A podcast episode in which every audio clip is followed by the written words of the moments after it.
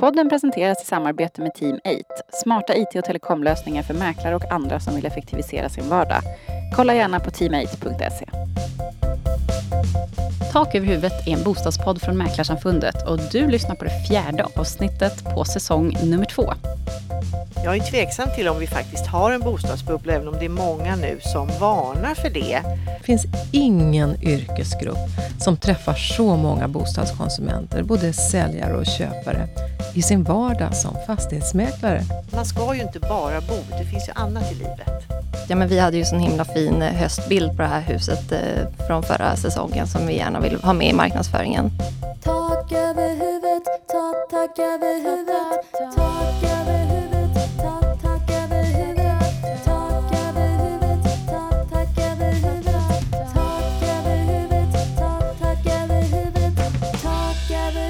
Jag heter Josefin Uppling, jag är analys och kommunikationschef på Mäklarsamfundet. Första säsongen lyssnades av inte mindre än 10 000 personer. Kanske att det, man ska nyansera det och säga att det var 10 000 nedladdningar. Hur som helst var det i alla fall en dundersuccé och har du mot förmodan missat första säsongen av Tak över huvudet så finns den på Podcaster eller Soundcloud eller överallt annars där du kan hitta eh, poddar. Vi på Mäklarsamfundet vi fortsätter att lyfta bostadsfrågor både högt och lågt, även under den här hösten. Bland annat i det här formatet, då podden Tak över huvudet. Och vi tittar på såväl mäklare som konsumenter som beslutsfattare och branschaktörers perspektiv på bostadsfrågor. Idag ska vi prata om ett ämne som kanske inte alltid är alldeles enkelt, men faktiskt helt nödvändigt. Det handlar om privatekonomin och bostadsköpet. Vi ska få lyssna på en privatekonom som ska ge tips och eh, senaste nytt på området. Men allra först har vi Mäklarsamfundets VD Ingrid Eiken. Hejsan hejsan! Hur står det till? Det är bra och det är otroligt roligt att så många fortsätter att lyssna och komma med idéer eh, till vad vi ska prata om här i programmet. Så det, vi uppmanar igen, har ni tips och idéer så tveka inte, hör av oss till er, ring eller eh, skriv på våra sociala medier och tipsa oss. Det tycker vi bara är roligt, så följer vi upp det. Absolut, man kan ställa frågor också direkt på vårt mm. Instagramkonto Tak över huvudet. Eh, du, vi gör ju löpande medlemsundersökningar här på Mäklarsamfundet eh, och ibland så är fokus i de här undersökningarna just privatekonomi och finansiering eftersom att det är så grundläggande i bostadsaffären. Ja men precis, och fastighetsmäklarna har ju en unik position på den här marknaden tycker jag. Det finns ingen yrkesgrupp som träffar så många bostadskonsumenter, både säljare och köpare, i sin vardag som fastighetsmäklare. Och därför finns det ingen som har så bra koll på konsumenternas förutsättningar, utmaningar och svängningar, men också hur man resonerar och eh, vi har ju faktiskt senaste åren mött ganska många desperata bostadskonsumenter som tycker att det är svårt på bostadsmarknaden. Eh, vi gjorde en undersökning i våras som faktiskt något förvånande visade att Hela 70 procent av alla förstagångsköpare var tvungna att ha en medlåntagare eller en medfinansiär till köpet. Det är en ganska hög siffra. Och eh, vi har nyligen gjort en undersökning som visar att bankerna inte använder sig av den möjlighet som man fick att undanta köp av nyproduktion från amortering, utan eh, det är rakt av där också. Den här typen av undersökningar, då, vad skulle du säga att de gör för nytta egentligen? Alltså, jag tycker att de är jätteviktiga och jag skulle gärna göra ännu fler undersökningar och ha fler fasta paneler om vi hade eh, eh, en bra form för det. Men det gör faktiskt att vi kan föra samtal med beslutsfattare och andra aktörer som är viktiga för oss. Politiker och banker till exempel. Utifrån fakta och utifrån hur vi upplever att marknaden fungerar. För det är ju våra medlemmars röst vi förmedlar. Det är ju ingenting vi själva sitter här på kontoret och hittar på, så att det är väldigt, väldigt viktigt. När vi fick de första signalerna i somras till exempel om att amorteringsundantaget inte användes, så slog vi faktiskt lite på stora trumman eftersom vi är remissinstans till många nya lagförslag och reformer som rör bostadsmarknaden så kändes det väldigt viktigt att uppmärksamma beslutsfattarna på när deras teoretiska ansatser inte riktigt faller ut som de har tänkt sig eller tror i praktiken. Och här spelar fastighetsmäklarnas ehm, eh, kunskaper och insyn en väldigt stor roll. Eh, vi skulle inte ha en så stor, tung ehm, eh, röst eh, tycker jag, eller tror jag, om vi inte hade medlemsundersökningarna och fakta som vi baserade våra samtal på. Och det är viktigt, ett viktigt medskick där till medlemmarna är ju att det här är ju medlemmar i hela Sverige som svarar, så det här är ju på något sätt en samlad bild av hur det ser ut i hela landet Mm. utifrån ett fastighetsmäklarperspektiv. Eh, vi ska runda av, tack för det introt. Eh, och vi kommer snart att köra igång avsnittet om privatekonomi och bostadsköp. Ja, men tackar, tackar. Ett sista medskick bara. Jag vet ju, det vet vi alla, att fastighetsmäklare har otroligt mycket att göra och att tiden inte alltid räcker till. Men det vore verkligen till stor hjälp för oss och det skulle göra nytta om ännu fler vill svara på våra återkommande medlemsundersökningar, Mäklarinsikt och andra undersökningar som vi skickar ut fyra gånger om året och det går snabbt att svara för då kan vi tillsammans göra vår röst ännu starkare och ännu mer hörd. Tack Ingrid Eiken. Tackar! Jag befinner mig på en del av Nordeas huvudkontor i Stockholm och jag sitter här med Ingela Gabrielsson som är privatekonom. Hej Ingela! Hej hej! Vad roligt att vi får komma hit och prata med dig. Ja men jättekul tycker jag också. Det här är ju verkligen frågor som engagerar, det märker du misstänker jag. Ja det här är frågor som verkar vara heta hela tiden. Oavsett årstid och allting. Precis. Eh, lite kort om dig själv då. Vad har du för bakgrund och hur länge har du varit här på banken? Min bakgrund är att jag är jurist och har en juristexamen från Stockholms universitet och i, parat med ett stort intresse för samhällsfrågor och ekonomi så har jag då eh, hamnat i den här branschen och jag har egentligen varit verksam i, eh, bank, inom bank och försäkring hela mitt yrkesverksamma liv skulle jag kunna säga på olika, olika positioner och olika typer av jobb. Vad är det som gör det så himla spännande då? Ja, det här jobbet som jag har nu blir ju väldigt kul därför att det handlar ju hela tiden om att knyta an privatekonomiska frågor och råd till det som händer i vår omvärld. Och det kan ju handla om allt från valet i USA nästa vecka till amorteringsplaner som eh, Finansinspektionen beslutar om eller ändrade skatteregler eller bidragsregler till exempel. Det är ju väldigt mycket som eh, sker genom bostadsmarknaden. Ja, allting mer eller mindre. Jag tänkte vi skulle börja där. En eh, gemensam eh, favoritfråga höll jag på att säga, men en fråga som vi får svara på ganska ofta tror jag, både du och jag, det är den här frågan om huruvida vi har en bostadsbubbla. Eh, vad skulle du säga? Eh, och om du skulle motivera lite fram och tillbaks och förklara och resonera lite. Vad tror du? Har vi en bostadsbubbla? Jag är tveksam till om vi faktiskt har en bostadsbubbla, även om det är många nu som varnar för det. Och varför jag inte tror det, det är ju för att det är i de heta områdena är det ju fortfarande så att det är många, många fler köpare än det finns bostäder till salu och då stiger ju priserna. Samtidigt som vi har den här enormt eh, låga räntan eh, och i kombination med den här heta bostadsmarknaden som också finns där jobben finns så tycker jag det verkar svårt att tro att det faktiskt är en bostadsbubbla. Ja, eh, vad, eh, hur ska man förklara då att det här, för det har ju diskuterats i liksom 20-30 år om bostadsbubbla. Hur ska man kunna förklara den debatten? Varför kommer den upp hela tiden eller varför pågår den hela tiden? Jo, men det är naturligtvis samtidigt på det viset att många har hög belåning. Eller jag skulle vilja ändra mig och säga att det är inte många som har en hög belåning på sina bostäder, men det finns en andel som har tagit väldigt stora lån för att kunna köpa de här eftertraktade bostäderna och där finns ju en risk. Till exempel om den egna risken kan ju vara att man kan bli arbetslös. Det kan bli sjukdom eller olycksfall eller skilsmässa i familjen och det påverkar ju ekonomin väldigt mycket. Sen kan det ju också vara så att nu kan räntan om något år eller halvår plötsligt börja stiga och då är det ju frågan om man verkligen har de marginalerna i sin ekonomi att man klarar en högre ränta. Då kan det bli besvärligt om det är många som vill sälja sina bostäder samtidigt. Då påverkar ju det priset neråt. Just det, och ni här på Nordea, ni tog ju nyligen fram en undersökning på det här temat. Eh, vad visar den? Jo, det är några frågor som jag brukar ställa två gånger om året som just handlar om vad vi tror om bostadspriser och bostadsräntor de kommande 12 månaderna. Och eh, om man tittar på resultatet nu som kom i förra veckan jämfört med för ett halvår sedan så är det nu fler som tror på stigande bostadspriser igen skulle jag vilja säga. För det har varit en dipp där i vad vi har trott samtidigt som också många räknar med stillastående räntor. Eh, Och det här är ju också ett sätt att tolka marknaden, att det här är de förväntningar vi har och den, vi räknar med att priserna går upp helt enkelt. Och vilka frågar ni då i en sån här undersökning? Vi frågar eh, svenskarna i mellan 18 och 65 år så det blir ett riksrepresentativt resultat. Men det man också kan se, och det är ju de unga som ju har svårigheter att komma in på bostadsmarknaden. I de yngre åldersgrupperna så kan man se att eh, där är vi lite mer pessimistiska och tror i och för sig på stigande priser men också på stigande räntor. Det tror jag speglar den allmän känsla av att det är så svårt att komma in på bostadsmarknaden.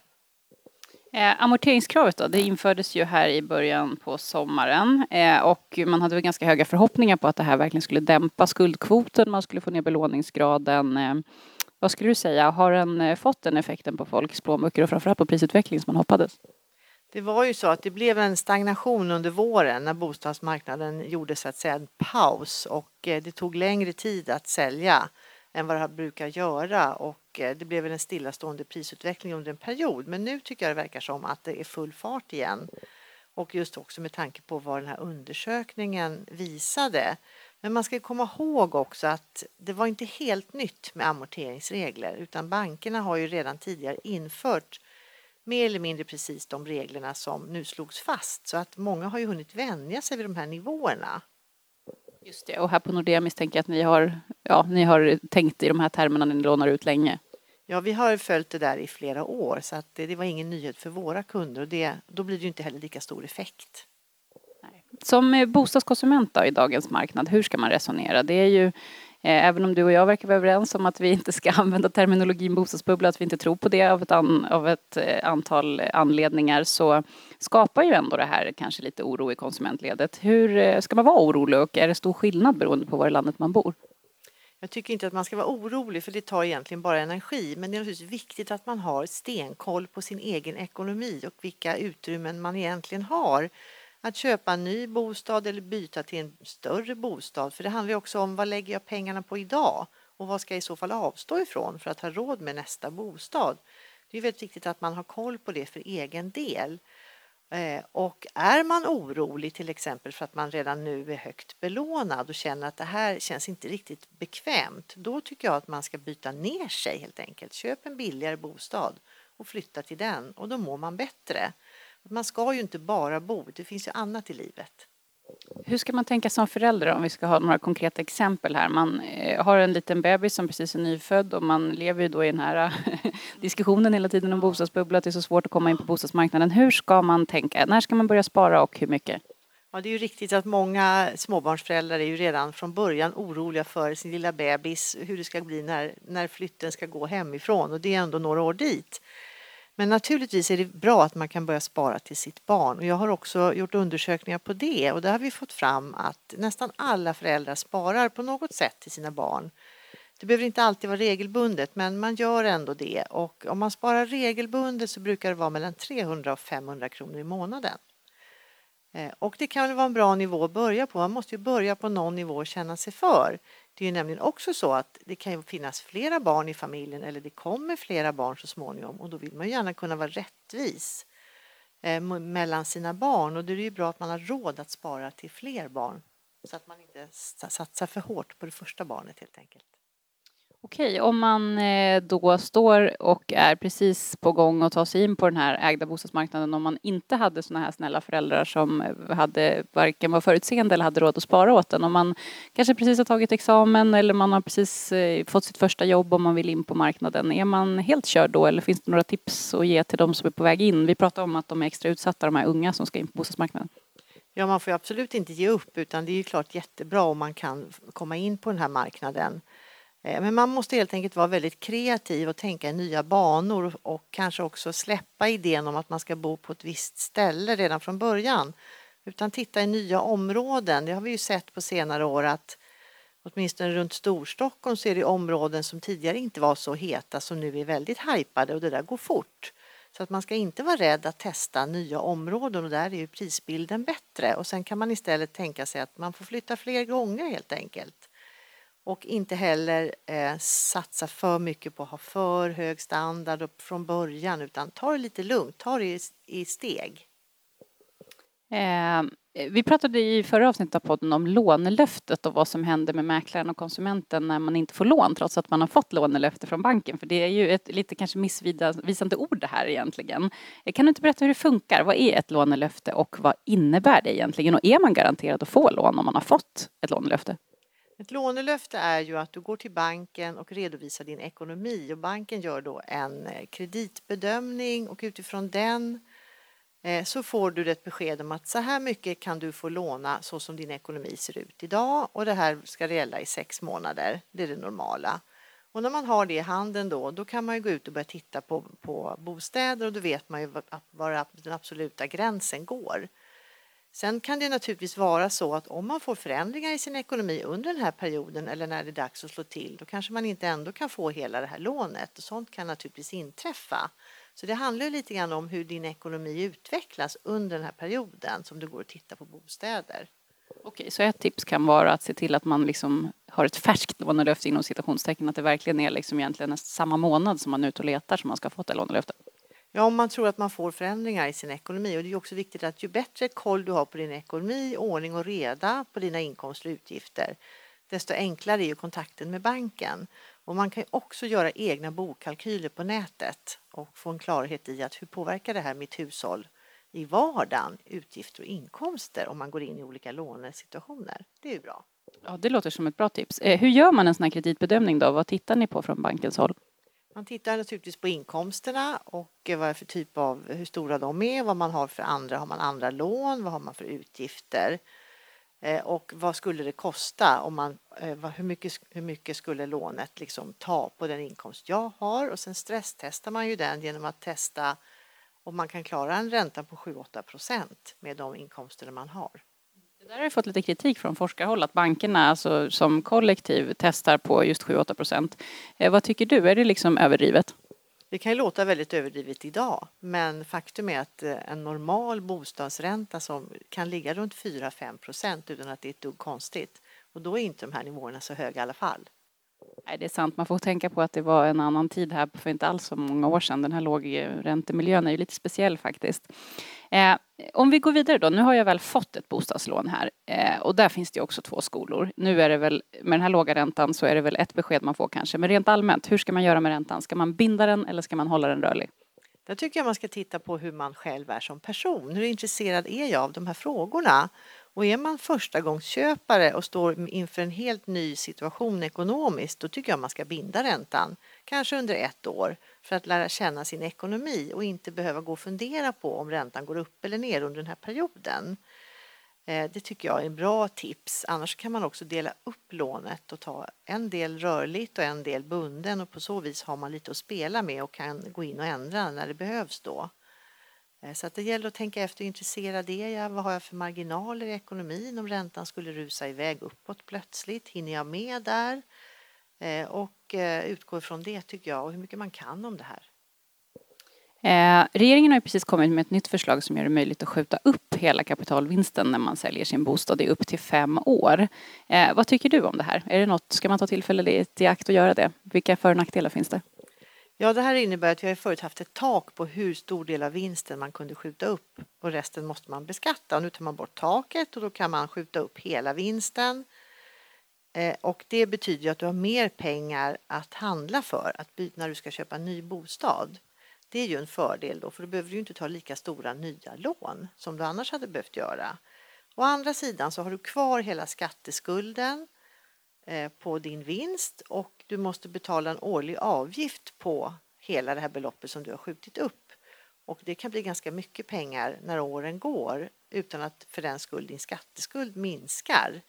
Så att jag är inte helt övertygad om att det här är rätt metod att ta till om man nu vill öka rörligheten på bostadsmarknaden. Det tror jag är ett av skälen. Det ska bli intressant att se om det blir någon påverkan. Vad tror du? Vi har ju varit ute och resonerat och väl försökt peka på att det kanske man bygger in en risk, ytterligare en risk i bostadsmarknaden när det ligger massa människor med skatteskulder här om fem år. Eh, vad tror du om den eh, risken?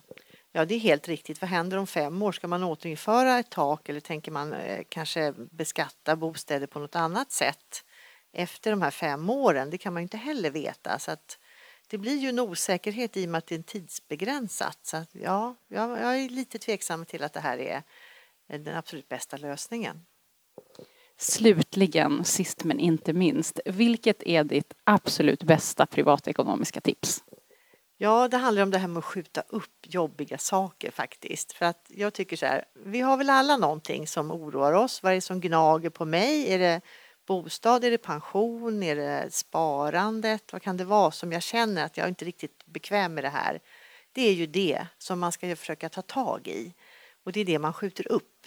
Så mitt bästa råd är att skjut inte upp det längre utan försök göra något. Kontakta din bank, prata med rådgivare, red ut det här som gnager och eh, få ordning på det.